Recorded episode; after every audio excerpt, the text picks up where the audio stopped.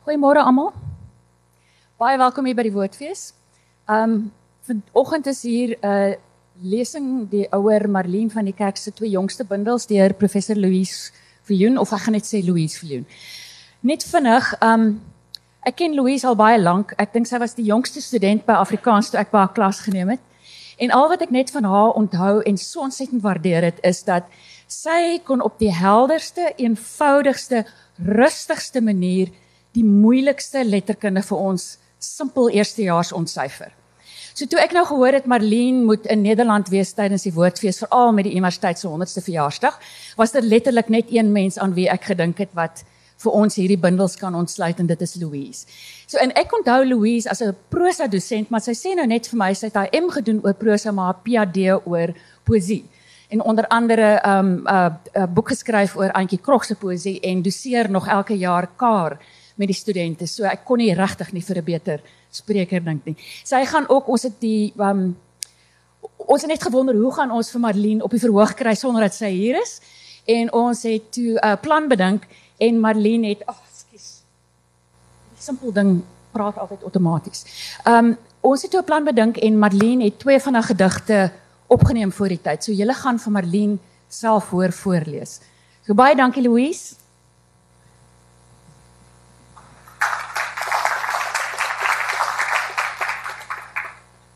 Baie dankie Elmarie vir die geleentheid om hier te praat oor Marlene se nuwe boeke. Ek doen dit altyd met groot plesier om oor Marlene se werk te praat omdat dit so 'n onuitputlike bron van betekenis is, iets waarheen 'n mens altyd kan terugkeer en nog weer dinge daaruit kry.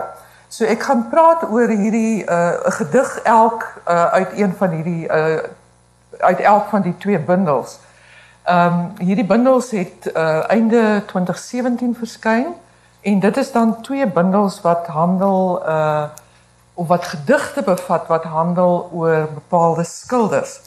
Ek sal 'n paar dinge uh oor die bundels in die algemeen sê en dan uh wil ek spesifiek twee gedigte bespreek want ek dink dit is die uh ideale manier waarop 'n mens kan toegang kry uh tot hierdie uh werk van Marlene van die Kerk. Dit is geweldig dig en uh die beste manier om daarmee te werk is om baie noukeurig aandag te gee daaraan om dit te stip lees. So uh in die eerste plek uh wil ek net iets sê uh iets inleidend sê oor uh Marlene as skrywer. Uh Marlene is natuurlik 'n uh uitsonderlik uh veelsidige skrywer. Uh sy is 'n digter, sy is 'n merkwaardige romanskrywer en sy skryf ook tekste vir die teater. Um uh, en by hierdie enorme spektrum van temas en verwysingsvelde wat 'n mens in haar werk kry, uh is daar een tema wat altyd deurloop en dit is die uh bemoeienis met die voorwaardes, die prosedures, uh die verantwoordelikhede en die vakmanskap van skryf dit figureer in feitelik elkeen uh van haar tekste of dit nou poësie is wat sy skryf of dit 'n roman is wat sy skryf of dit 'n teaterteks is. Die hele proses van skryf, uh die hele uh proses van kuns maak is altyd 'n faktor. Nou ons praat hier oor twee digbundels, daarom het ek haar spesifieke digbundels hier vir julle gelys. In 1978 het haar eerste bundel en eintlik ook haar eerste teks verskyn en dit was die bundel Sprokkelster. In 83 die bundel Groenstaar en jy sien dat ons toe 30 jaar moes wag vir die volgende bundel Kaar. In die tussentyd het sy kortverhaalbundels geskryf en 'n uh, aantal merkwaardige romans en uh Kaar verskyn dan in 2013. Uh inderdaad lyk Kaar na die resultaat van uh 30 jaar se werk. Geweldige omvattende bundel amper 200 bladsye lank uh en die studente uh vind dit nogal uh moeilik om met hierdie bundel te werk. Maar as jy mens uh na die detail daarvan kyk, kom hulle eintlik ook uh onder die bekoring daarvan. En dan uh 4 jaar later en dit is einde verlede jaar dan hierdie twee kleiner bundels, heelwat kleiner as uh Kaar en die een is dan Gesand van die Mispels, uh gedigte by die skilderye van Adrian Koorte wat geleef het van ongeveer 1659 tot 177 soos wat op die titelblad staan En uh ek dink 'n mens moet die uitgewers gelukwens met uh die inspanning wat hulle aangegaan het om hierdie bundels so ongelooflik mooi uit te gee. Uh dit is bundels waarin uh, die voet of 'n uh, afdruk van die skildery verskyn langs die uh gedig, die Afrikaanse gedig en dan op 'n volgende blad verskyn die Nederlandse vertaling van die gedig. So uh die feit dat sy skryf oor Nederlandse skilders, die feit dat ons hier 'n soort dubbel aanbod het, naamlik die feit dat die gedigte in Afrikaans en in Nederlands aangebied word, uh verraai iets van uh Marlene se uh se dubbel lewe in 'n sekere sin te gelykertyd in Suid-Afrika maar ook in Nederland vandat sy daar studeer het en uh haar uh bemoeienis met Nederland. En dit is ook iets wat neerslag vind in haar taalgebruik. In boeke soos die sneeuslaper kom dit baie sterk na vore hierdie uh spanningsverhouding tussen die taal Afrikaans en uh Nederlands. Uh, 'n spanning wat sy eintlik baie vrugbaar uh, en op 'n baie komplekse manier uitwerk. Uh so hierdie is dan die eerste bundel, uh die een oor koorte en dan die tweede een is hierdie uh ook bundel met die lieflike omslag uh in die stille agterkamer gedigte by die skilderye van Jan Mankus en dan uh 'n bietjie nader aan haar eie tyd, hy is gebore in 1889 uh dood in 1920. So twee uh, skilders uit verskillende tydperke wat sy hier gebruik as 'n uh, inspirasie vir haar poësie. En wanneer 'n mens die bundels begin lees, dan vra jy jouself af uh waarom juis hierdie uh twee skilders. Uh, wat mense ook uh van bewus word is dat die hierdie uh besondere belangstelling in die uh uh skilderye is nie heeltemal of in die proses van 'n gedig maak oor 'n skildery is nie heeltemal nie in haar werk nie. Daar's sekere voorlopers vir hierdie twee bundels. Sy het in 2006 het sy die bundel uh het sy die uh verhaal prosa teks 'n memorandum geskryf. Uh die titel van daai teks is verhaal in verhaal met skilderye. 'n uh, prosa teks by die skilderye van uh, Adrian van Sail. En sy het nou onlangs gesê met die bekendstelling van die uh twee bundels uh, by 'n geleentheid in die Parel, het sy gesê dat dit eintlik daar is wat sy behoorlik opgeskerp geraak het vir die soort interaksie wat daar kan bestaan tussen 'n uh, skrywer, iemand wat met woorde werk en 'n skilder se werk. En dat sy daar uh of dat sy en van Sail daar besluit het dat hulle dat die verhaal gaan nie 'n beskrywing van die skilderye wees nie, maar eerder probeer om uh iets te verbeel wat afwesig is in die skilderye en wat in die skilderye sou kon wees. So uh daar het sy het ons 'n voorganger vir hierdie bundels en natuurlik ook in Kaar waar daar 'n hele aantal gedigte is wat geskryf is by die skilderye van skilders soos Weissenbroeg, Monet, Velasquez en ook Marlene Dumas. Nou hier het ons te doen met uh ekfrastiese gedigte. Dit is die uh tegniese term vir hierdie uh soort gedig, 'n gedig wat geskryf word oor 'n skildery.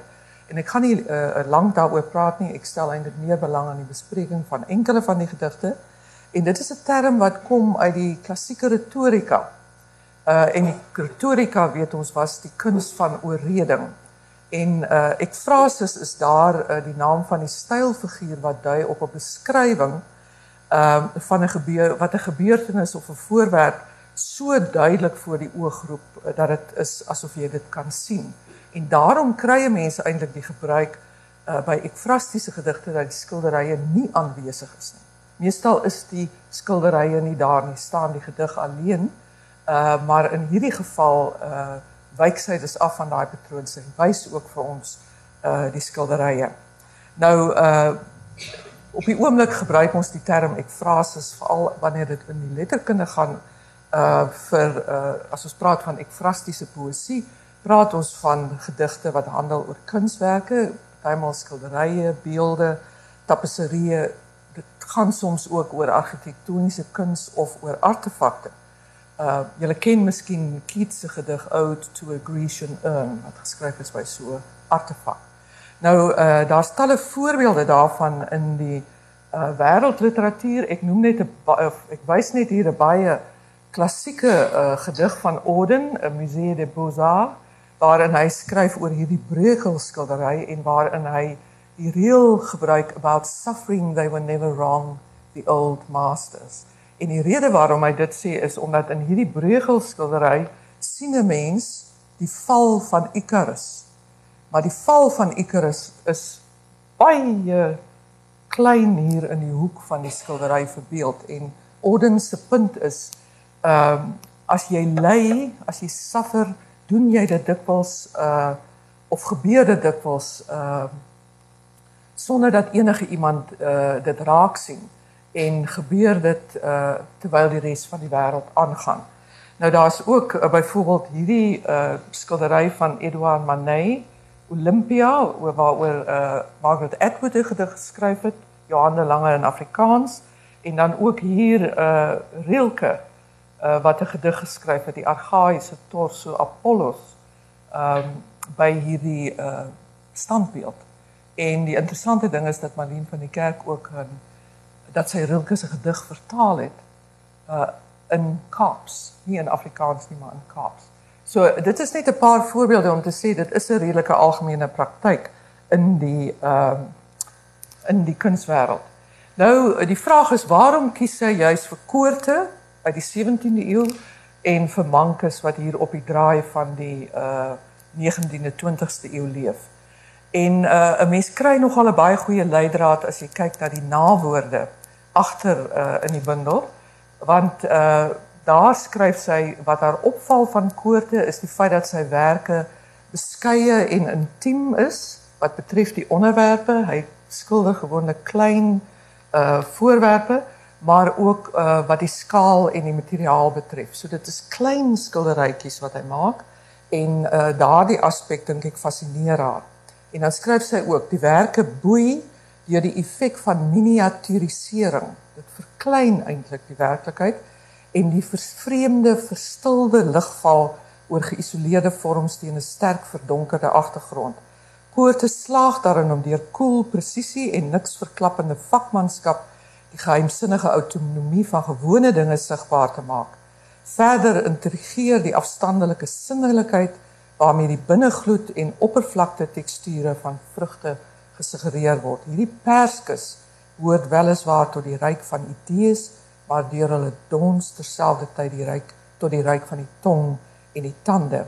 So wat mense opval daar is dat vakmanskap is iets wat haar geweldig interesseer en uh, dit blyk ook uit die dinge wat sy sê rondom haar eie werk en die werk van ander. Vakmanskap is vir haar ongelooflik belangrik en dan uh, dink ek word sy gefassineer deur die feit dat koorte se skilderye uh beide 'n soort van 'n geheimsinnige lewe, 'n idee wêreld suggereer, maar ook uh tasbaar konkreet materieel is. En sy kies dan die titel Gesand van die Mispels vir haar bundel omdat daar 'n uh, skildery is van mispels. En uh dat sy in daardie gedig praat sy oor die feit dat Koorte eintlik iemand is wat geleef het in 'n tyd waarin daar groot politieke gebeure, oorloë plaasgevind het. En sy vra haarself af, wat het jy gesê as uh, ander uh kunstenaars, ander skilders vir jou gevra het, waarom uh skilder jy nie oor die politieke gebeurte nie? En sy kleed dit so in, sy sê of as medeskilders vanuit hul hoogte kloek, is laf en onbetrokke die gesand van mispels op die plint. Wat sal jy antwoord vir mense wat sê ehm um, jy moet eintlik skryf oor die politieke gebeure van jou tyd en sy noem hom daardie gesant van die mispels. Hy is die verteenwoordiger, die afgevaardigde eintlik van daardie objekte wat hy skilder en wat hy na die beste van sy vermoë skilder om iets van daardie innerlike wêreld daarvan bloot te lê. Nou oor Mankus uh, sou mens kon uh, kan 'n mens die volgende dinge aanhaal uit haar nawoord. Sy sê die ingetoe werk van Mankus verteenwoordig een moontlike respons van kunstenaars op roerige tye. Afsondering, tegniese inspanning, 'n verlangsaamde maakproses en emosionele fokus. En ek dink daar lig sy uit uh, afsondering, die feit dat jy jou isoleer en in die tweede plek tegniese inspanning, weer die hele idee van vakmanskap. En ek dink die kwessie van emosionele fokus van 'n soort van 'n uh, gerigtheid uh nie net rasioneel nie, maar ook emosioneel en sintuiglik op dit waarmee jy besig is, is baie belangrik. Nou sy sê dan die uiteindelike kunswerk, dit sê sy ook in daardie gedeelte, kan in die beste gevalle 'n tweevoudige kritiese vraag beliggaam. 'n Vraag enerzijds na die moontlikheidswaarde voorwaardes van die werk self en 'n vraag anderzijds uh na die moontlikheidsvoorwaardes van ander soorte van sosiale intervensie. Ook dikwels kuns genoem wat vir 'n effek van betrokkenheid afhanklik is van reaksies, ekspressie, instrumentalisering en retoriek. Soos hy sê hierdie uh, gedig uh, hierdie skilderye van Mankus wat nie noodwendig die politieke situasie uitgeleef ten tye van die Eerste Wêreldoorlog nie die politieke situasie reflekteer in die skilderye nie uh kan uh, aan die een kant gelees word as 'n ondersoek na wat is die bestaansvoorwaardes van kuns en deurdat dit fokus nie op die politieke situasie nie ook vir jou laat dink aan wat sou die ander moontlikhede wees en sy sê dan daardie soorte kuns waarmee jy 'n sosiale intervensie maak waarmee jy probeer reageer op jou politieke tyd en uh waarin jy dan eintlik besig is met 'n vorm van instrumentalisering Met ander woorde waarin jou kunswerk, jou skildery of jou gedig in haar geval eintlik 'n manier uh, instrument word in die politieke stryd byvoorbeeld. En dit is my nogal opvallend in haar uh later werk uh in memorandum en veral in die sneeuslaper, die bundel met die vier lang kortverhale, dat sy haarself nogal verset teen die idee van die kunswerk uh wat 'n instrument moet wees. Uh sy spreek ook daai gedagtes uit in 'n 'n opstel wat sy geskryf het The Literary Text in Turbulent Times, uh an instrument of social cohesion or an eruption of critical bliss. Notes on James could see his life in times of Michael Kay. En in daardie teks verset sy haarself nogal teen die hele idee dat uh 'n kunswerk wat 'n autonome en 'n unieke artefak is dat dit eintlik instrumenteel moet word dit moet eintlik soos sy dit daar noem 'n eruption of critical bliss wees. Dit moet 'n soort van 'n 'n bliss 'n 'n soort van vreugde, 'n genot uh by jou uh oproep eerder as wat dit 'n instrument in die stryd moet wees. So daardie element raak al hoe sterker in haar agter uh, in haar werk lyk dit vir my. Terwyl mense ook in haar werk natuurlik gedigte kry waarin gedig 'n soort van 'n retoriese wapen is. Jy kry 'n soort van skelgedigte of rants, ook in Kaar waarin sy reageer op Suid-Afrika se politieke omstandighede.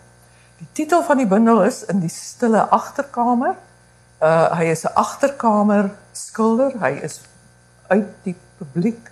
Hy uh trek hom terug. Hy's geïsoleerd, gemarginaliseerd en dit is my interessant dat die idee van die agterkamer haar ook nogal fascineer. Dit kom ook na vore in een gedig wat ek wil bespreek.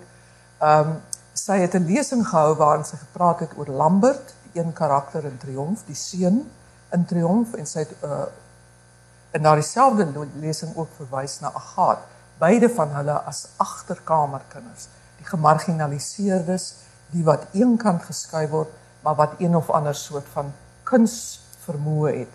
En uh sy het in daardie uh opstel gesê geïsoleerd, maar hulle is te gelykertyd ook shamane, towenaars op hulle manier. En daai idee tel sy op in die gedig wat ek wil bespreek uh uit um koort die koortebundel. So uh wat is dit wat haar aanspreek? Ek het dit eintlik nou al reeds gesê. Ek dink die beskeidenheid in die ingetoe ingetoonheid van hierdie kunstenaars, die klein skilderytjies, die mense wat in die agterkamer sit en werk. Uh hulle is nie die groot prater kunstenaars nie. Hulle is nie die showmen uh wat uh baie aandag trek. Uh nie hierdie soort kritiek vind 'n mens ook in haar werk in ander forums.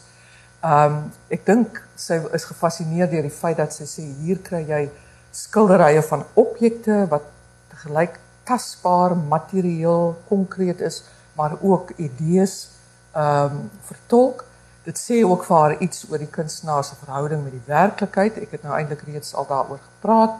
Maar uh en ek dink dan ook dat hulle vir haar 'n sekere soort van 'n werkwyse aandui wat baie sterk fokus op die hele idee van vakmanskap en eintlik 'n soort emosionele integriteit wat 'n kunstenaar moet hê. Ek dink sy erken dit in beide koorte en mankes en dit is iets wat sy nastreef in haar werk. Nie uh groot vertoon uh showmanship nie, maar eerder vakmanskap en 'n uh, soort van 'n integerheid in die werk self. Goed, ek wil dan ehm uh, die gedig uh, in iets van die presisie wat kom uit die koortebundel. Uh, ek het sulke uitdeelstukke hier op die uh, stoele neergesit waarop die gedigte afgedruk word. Daar is 3 gedigte uit elke bundel en uh, ek het gedink dat julle dit byderhand kan hou terwyl ek oor die gedig praat. Maar uh, eers gaan ons hoor hoe klink die gedig as Marlene dit lees.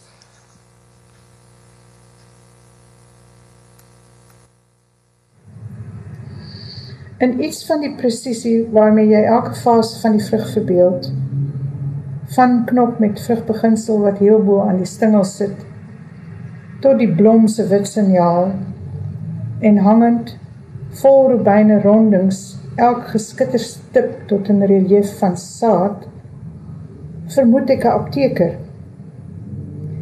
Met sinnaber tot vermiljoen verstuif kry jy die ondergrond opaak kosseniel van die skarlakenluis kwas jy nat op droog in transparante sweme? Laastens eers die tydsame filtreer van firane ester sterpentyne en so uit verf en vrugtepulp verkry jou farmakon as dubbelgif teen die swartgalligheid. By die aangee van die styf gekurkte erdefles met in jou krulskrif op die etiket Fragaria Fesca onthul jy jou okkulte agterkamer en sien hoe voor jou sekse stuk 'n oomblik goed verlig die pasiënt gefassineer wil nader gaan en dan asof versteend in die band daarvan bly staan. As sy verbaas bly kyk wys jy stil sluk en luister maar Jou goeie vriend kom stram van reumatiek orent. Met tonaals tikkend op die vloer vertrek hy deur die binnendeur. Die swart haar hond wat dikwels het verlange na ontroosbaarheid. Goed, uh dit is dan uh die gedig wat ek graag uh met julle wil bespreek. Julle sien daar die afbeelding van die gedig uh of die afbeelding van die skildery uh, waaroor die gedig handel, maar waaruit sy dink ek iets uh geweldig ryk haal. Nou in die uh eerste strofe uh sê sy in iets van die presisie waarmee jy elke fase van die vrug verbeeld, uh vermoed ek 'n apteker. Dit is die loop van die sin. En ek sal later terugkeer na die interessante wen, uh, stap wat sy hier neem om die skilder te vergelyk met 'n apteker. Maar 'n mens kan dan sien uh, hoe dat sy sê uh hy verbeeld elke fase van die vrug. Van die knop reg langs die uh blommetjies sien 'n mens 'n uitbeelding van die knop. Die knop met die vrugbeginsel wat heel bo aan die stingel sit tot die blom se wit signaal. Daar uh beskryf sy die blom wat 'n mens op die skildery sien en dan hangend vol rubyne rondings elk geskitterstip tot 'n relief van saad. So sy beskryf daar hoe die skilderytjie van wilde arbeier lyk. Sy sê jy kry al die verskillende fases van die vrug, die knop, die blom en dan uiteindelik ook die vrug. En sy beskryf die vrugte dan as vol rubyne rondings uh wat geskilder is en sy sê elk geskitterstip tot 'n relief van saad.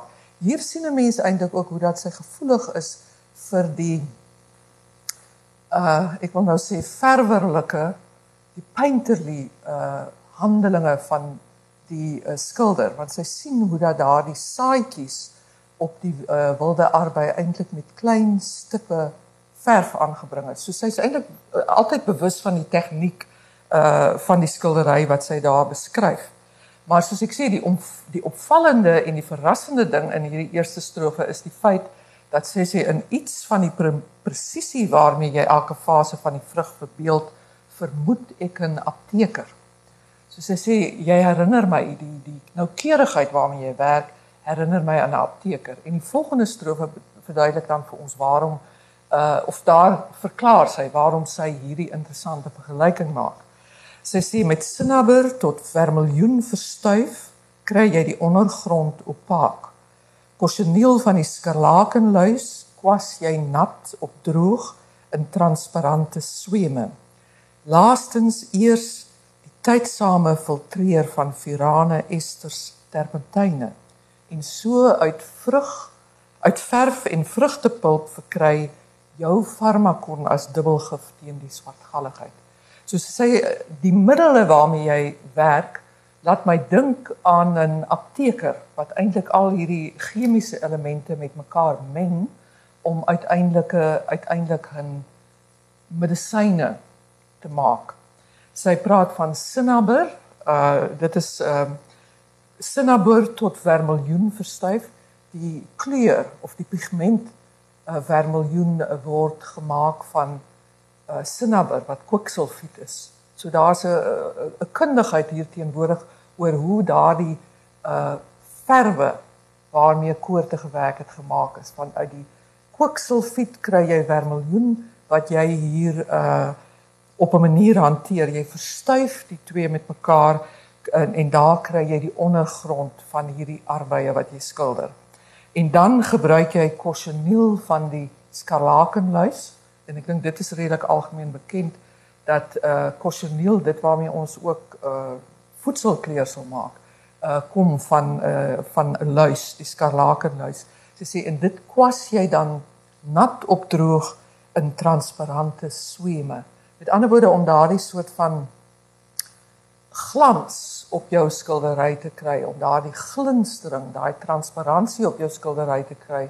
Uh sit jy dan hierdie elemente van kosjeniel daarop. Altyd bedag op die tegniek, op die vakmanskap uh van die skilder en dan laastens kom daarby die tydsame filtreer van furane, esters, terpentyne. 'n soort van 'n uh finale laag uh waarin verskillende chemiese elemente met mekaar versny is om miskien 'n soort van 'n 'n laag bo die skildery te sit of uh dit te vernis of iets van die aard. So uh, sy sê as ek dink aan jou wat as skilder met al hierdie chemiese elemente werk, met die pigmente werk wat jy met mekaar vermeng, dan laat dit my dink aan jou as 'n apteker. En dan sê sy so uit verf en vrugtepulp So jy uh, jy maak hierdie verf aan waarmee jy die vrugte skilder. So op 'n manier is die vrugte dan ook deel van die stof, die pulp waarmee jy werk om hierdie skildery te maak.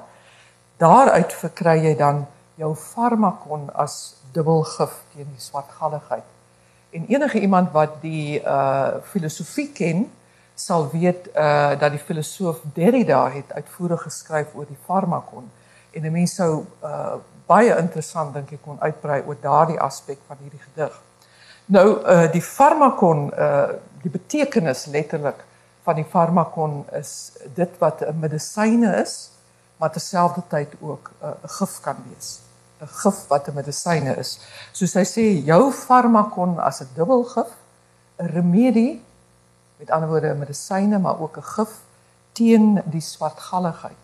So dit is asof sy sê jou skildery uh was die maak van die skilderye was dalk vir jou uh 'n manier waarop jy jouself kon verweer teen swartgalligheid. Dit was 'n medisyne waarmee jy jouself kon verweer teen die swartgalligheid. Die interessante ding is daar bly 'n soort van 'n ambivalensie. Dit kan miskien ook die ding wees wat die swartgalligheid veroorsaak. Die farmakon is gif sowel as medisyne. En uh in die volgende strofes sê sy dan ook hoe dat uh wat die uitwerking van hierdie skildery op die uh kyker daarvan kan wees. Sy gaan dan in die volgende strofe en sy sê by die aangee van die styf gekurkte erdefles met in jou krulskrif op die etiket Fragaria fesca onthul jy jou okkulte agterkamer. Sy sê nou met uh by die aangee van die styf gekurkte erdefles. Hier uh stel sy die skilder voor as 'n apteker. Apteker wat uh, die medisyne aangemaak het. Onthou hy leef in die 17de eeu. Met ander woorde, hy gee vir jou die medisyne in 'n erdeflesie met 'n kurk. En wanneer uh hy vir jou die erdeflesie aangee, dan staan daar op hierdie flesie staan daar Fragaria fesca en dit is uh die naam vir 'n wilde arbei. So hy gee vir jou die flesie medisyne waarop staan wilde arbei. Uh wat hy vir ons gee is die skilderytjie van die wilde arbei. So die apteker gee die medisyne, koorte gee vir ons die skilderytjie van die wilde arbei. En dan sê sy as jy dit met daai gebaar as jy dit vir ons aangee, onthul jy jou okkulte agterkamer. So hier kom die nosie van die agterkamer weer na vore en daardie assosiasie wat sy in haar lesing oor triomf en agaat gemaak het uh tussen ehm um, die persoon wat in die agterkamer werk en die okkulte of die sjamaanagtige uh eintlik die magiese of die betowerende.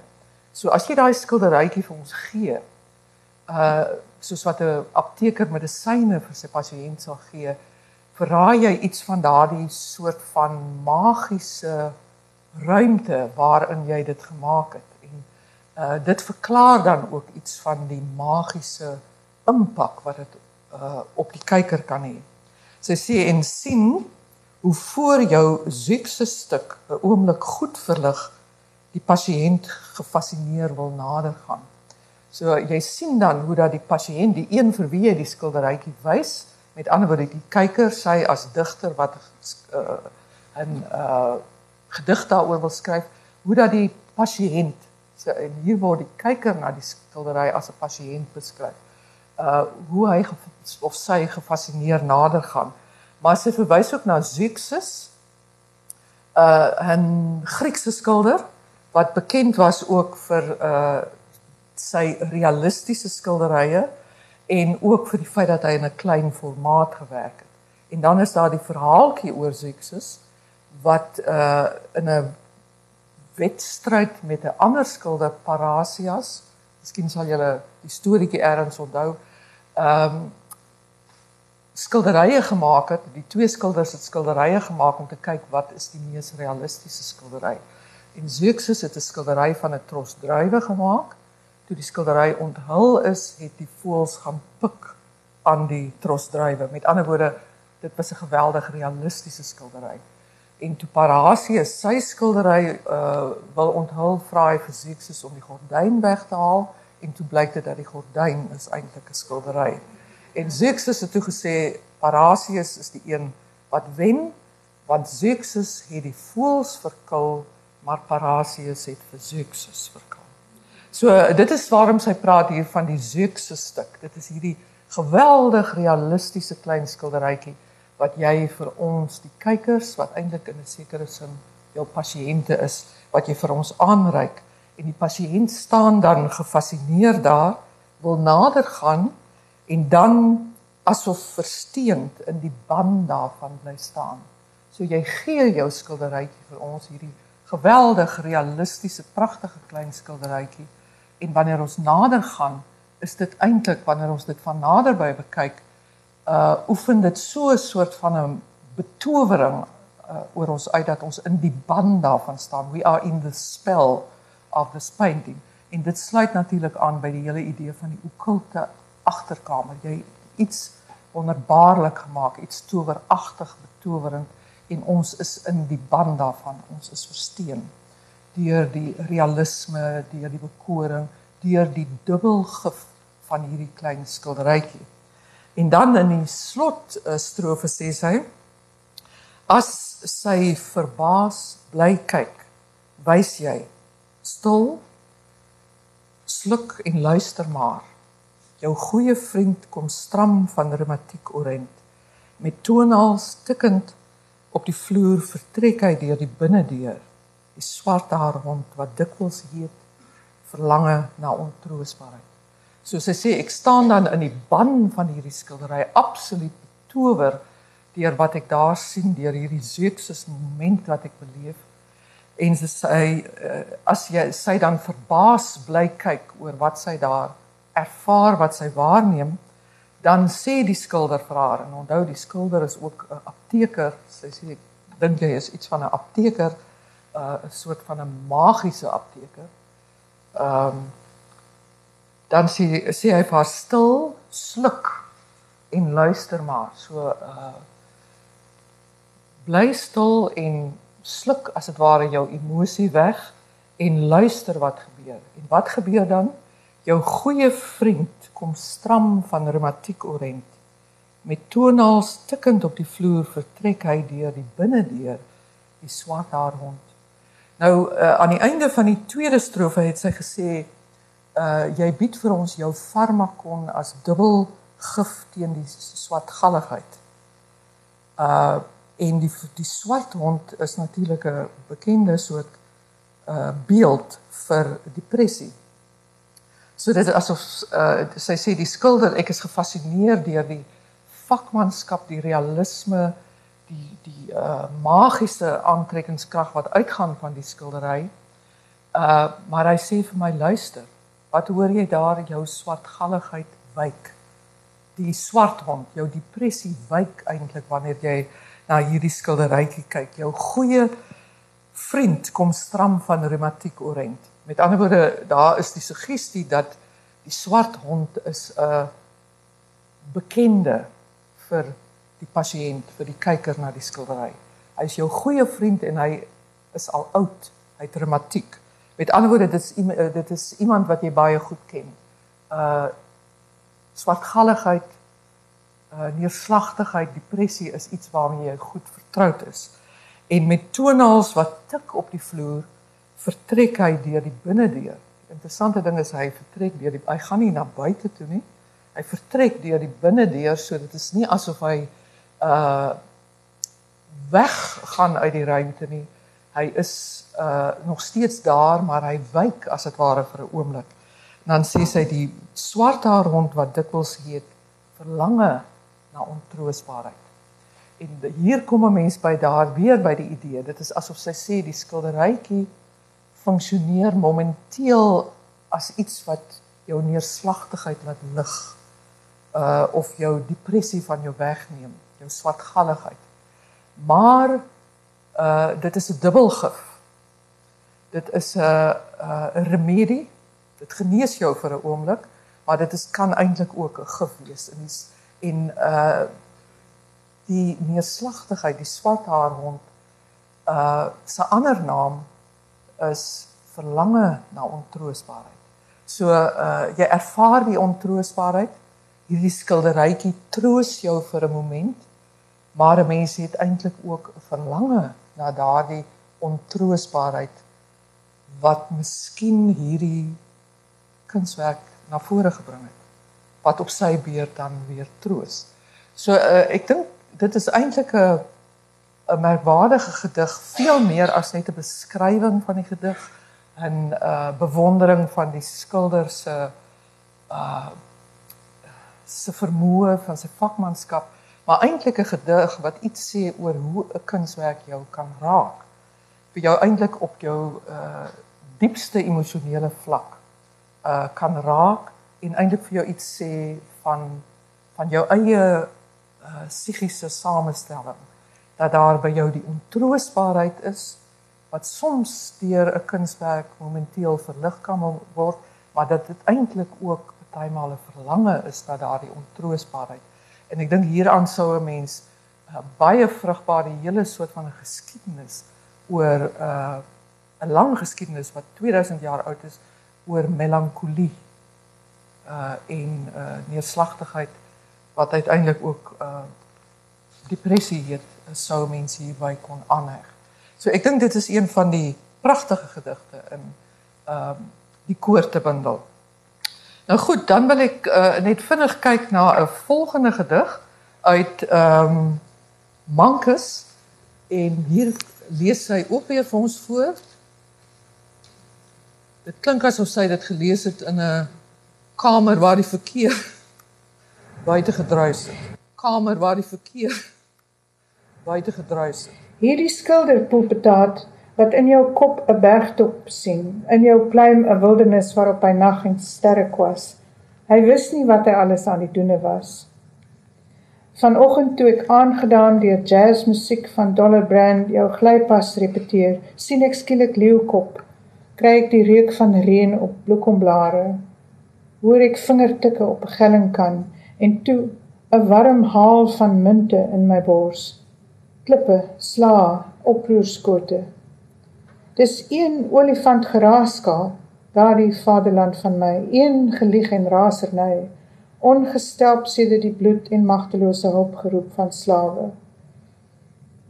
Droewe kaap van dooie siele, waar net die ander smaak van saksofone ons ooit kan lei oor streemende verskille heem van landgenote weggevlugtes hou wat sleutels sonder deure in die bosak dra en altyd hierdie ballingklanke sal herken in Dublin Frankfurt Amsterdam die blues wat bresse in die borsbeen slaan. 'n walvispluim verlange uit die keelgat blaas. Woza ntwana kan niffel daar die olikan met polka dots orkes. Laat loop jou jazz hier in my gellingdrom die geel van jou simbale oor my kus. Kans is ek word eendag hierdie kant begrawe met jou triole op my steen. 'n Bruis kreoolse aardetaal van windblou wilde hoenderlelle en 'n klein regop hannekam van troos. Goed, uh dit is 'n redelike lang gedig, so ek sal maar met uh sulke 7 myl trappe deur die gedig gaan omdat uh, ons tyd 'n bietjie kort is. Maar hier reageer sy uh, op 'n skilderytjie wat ehm um, Mankus gemaak het van 'n uh, parelhoen van uh, wat ons ken as 'n tarantaal, maar wat uh, in Nederland bekend staan as die parelhoen. En uh, dit is vir my interessant dat uh, sy hierdie skilderytjie gebruik as 'n aanleiding om uiteindelik oor haar uh, vaderland te skryf en die tarantaal wat sy in die slotgedeelte beskryf lyk 'n bietjie anders as die een wat sy op Mankus se skildery sien. En ek dink daardie uh daardie soort van verskywing van Mankus se parelhoen na die Afrikaanse poelpataat of tarantaal uh sê vir mense ook iets van hierdie uh gespletenheid van die balling, die gespletenheid van iemand wat in Nederland sit en terugdink uh aan Suid-Afrika uh, want daar sekere aanduidings in die gedig dat hierdie gedig uh in Nederland geskryf is. Nou sê sê hierdie skilder Paul Petaat, so daar gebruik sy die Afrikaanse woord wat 'n uh vervorming is van die Franse woord poul pantad. Uh gespikkelde hoender. Poul pantad, poul petaat in Afrikaans wat in jou kop 'n bergtop sien, in jou pluim 'n wildernis waarop hy nag en sterre kwas soos hy sê uh, as 'n mens kyk na die skilderytjie dan lyk dit asof hy so 'n soort van 'n bergtop op jou skilde op jou kop gesien het en dit geskilder het en jou pluime uh jou vere as 'n soort wildernis waarop hy nag en sterre kon kwas met sy kwas kon aanbring. So uh dit is hoe hy jou verbeeld het hier. En dan sê sy hy wis nie wat hy alles aan het doen was. En dis weer 'n aanduiding dat 'n skildery gemaak word dat 'n kunswerk geskep word en dat hy effekte het wat uh die kunstenaar waarskynlik nie in gedagte gehad het of gedoen het nie. Want sy sê die kombinasie van hierdie skilderytjie en dan die musiek van Suid-Afrika, spesifiek die musiek van Dollar Brand. Sy sê vir oggend toe ek aangedaan deur jazzmusiek van Dollar Brand jou glypas repeteer sien ek skielik leeukop. Jy het nie geweet wat jy doen toe jy daardie poolpataatjie, daardie Hollandse poolpataatjie geskilder het nie. Want hierdie moment waarop die sig van daardie skildery gekombineer is met my hoor van die musiek van Dollar Brand, die jazzmusikant van Kaapstad wat ook vir 'n lang tyd uh, in ballingskap geleef het wat nou bekend staan as Abdullah Ibrahim toe ek sy musiek as dit ware 'n uh, glypas, dis eintlik so 'n ballet uh, glis glissant, 'n ballet passie uitvoer. Toe skielik sien ek leeukop. sien ek skielik leeukop. kry ek die reuk van reën op bloekomblare, hoor ek vingertikke op 'n gellingkan en toe 'n warm haal van munte in my bors. Klippe sla oproerskote. Met ander woorde, die sien van hierdie skilderytjie wat op 'n manier 'n bietjie anders is as die poolpatate wat ek ken. Uh die musiek van Dollar Brand uh roep skielik by my uh, herinnering aan my vaderland op. En sy sê sy sien leeukop, so dit is Kaapstad. Sy sien ook daar in daai klein uh bergtop op op sy kop. Uh sien ek leeukop en ek kry die reuk. Ek sien, ek ruik die reuk van reën op bloekomblare. Ek hoor die vingertikke uh op 'n gellingkan, 'n soort van 'n tuisgemaakte musiekinstrument, iets wat miskien ook in jazz ter sprake kan kom en dan skielik 'n warm haal van munte in my bors. Met ander woorde 'n soort van 'n 'n haal bui van munte van uh, iets wat 'n effek het hier in my bors, 'n gevoel en dan ook van klippe sla oproerskote.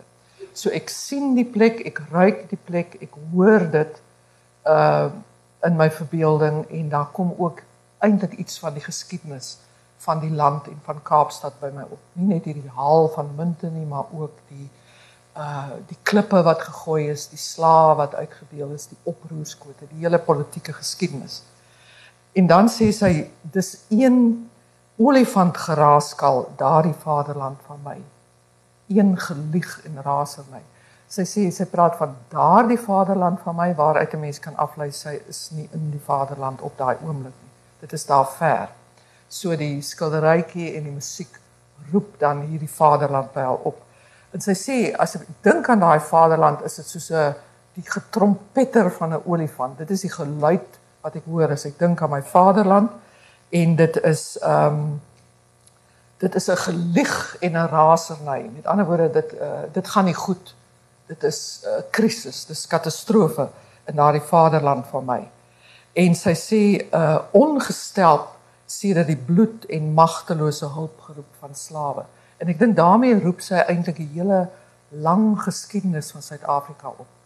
Op die oomblik is dit 'n gelieg en 'n raserny, maar hierdie geliege raserny wat ons nou ervaar het 'n lang geskiedenis wat uh eintlik bloei al van die tyd uh wat daar slawe aangehou is aan die Kaap. So sy roep eintlik daai hele lang geskiedenis op. En dan sê sy verwys sy weer na die Kaap. Sy sê droewe Kaap van dooie siele waar net die anders maak van saksofone ons ooit kan lei oor streemende verskille. So sy dink aan die Kaap, daardie vaderland, meer spesifiek aan die Kaap as 'n droewe plek.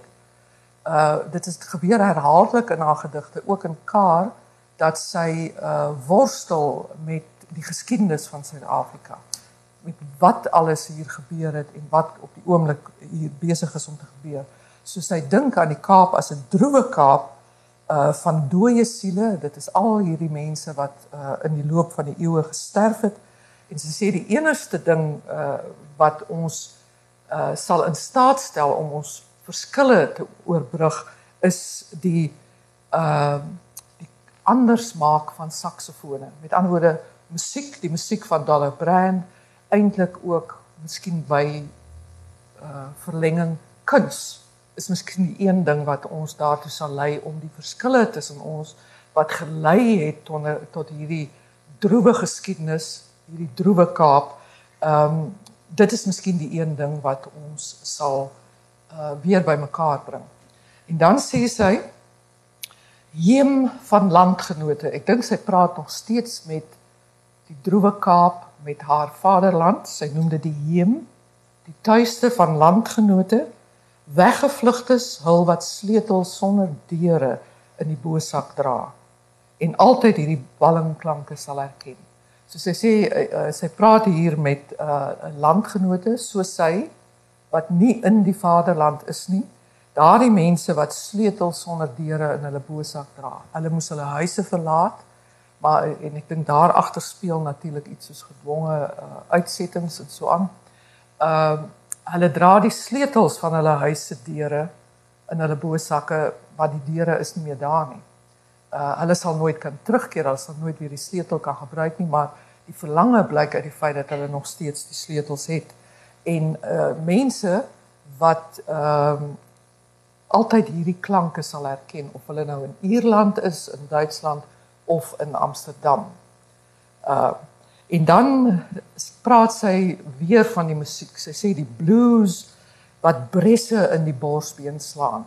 Dit is uh om 'n bres te slaan beteken letterlik om 'n opening soos in die ou oorlogvoering 'n gat in die muur te maak waardeur jy in 'n uh stad kan inkom.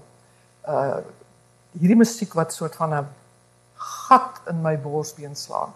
Die implikasie is wat eintlik vir my by my binneste kan uitkom wat my baie diep raak. En mense sien hoe dat sy klank gebruik, geweldig klankgevoelig, bresse die blues wat bresse in my borsbeen slaan.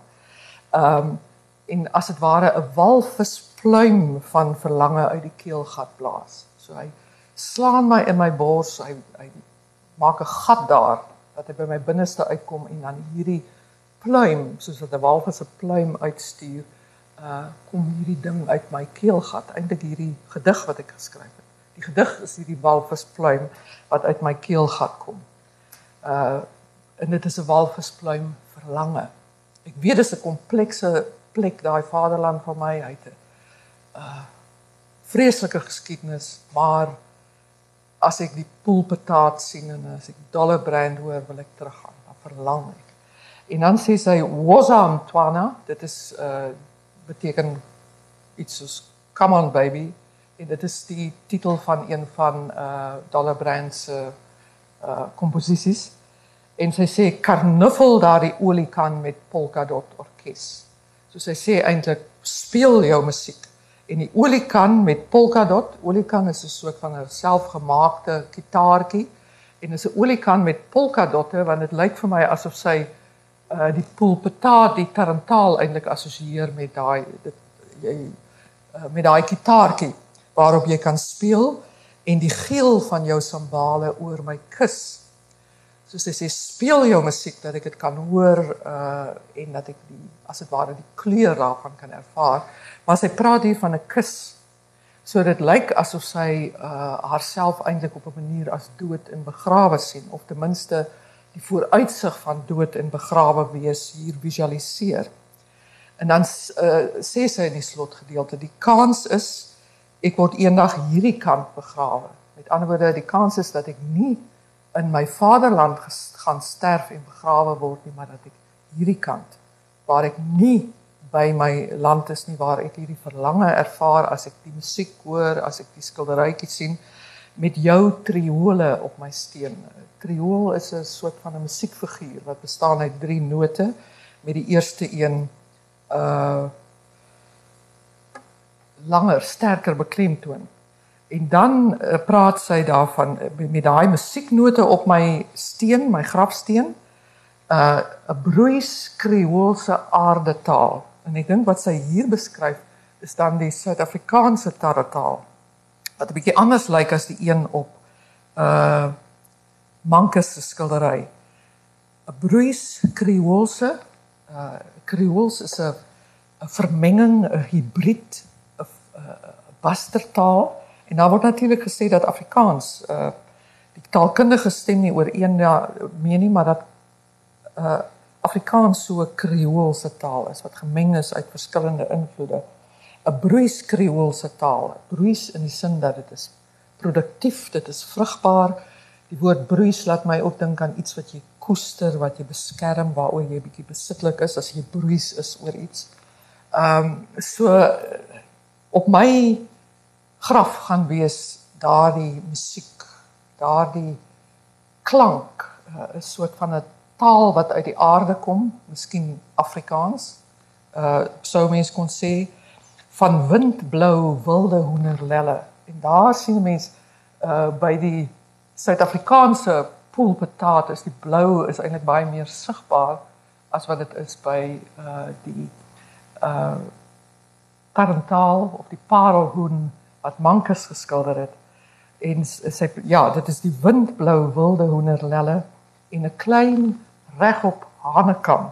Daar's duidelik daardie klein uh kam wat op die uh kop van die tarantaal is. Uh wat sy sê uh daarin in hierdie herinnering in hierdie musiek in hierdie visuele beelde wat iets oproep van my vaderland is daar 'n moment van troos en dit sal daar wees selfs as ek in my kus lê al ervaar ek hierdie soort van verlange wat sigself uit in hierdie walvispluim van 'n gedig want dit is nogal iets van 'n soort van 'n uh ekstatiese uh emosionele, wat ek dit noem 'n emosionele gedig.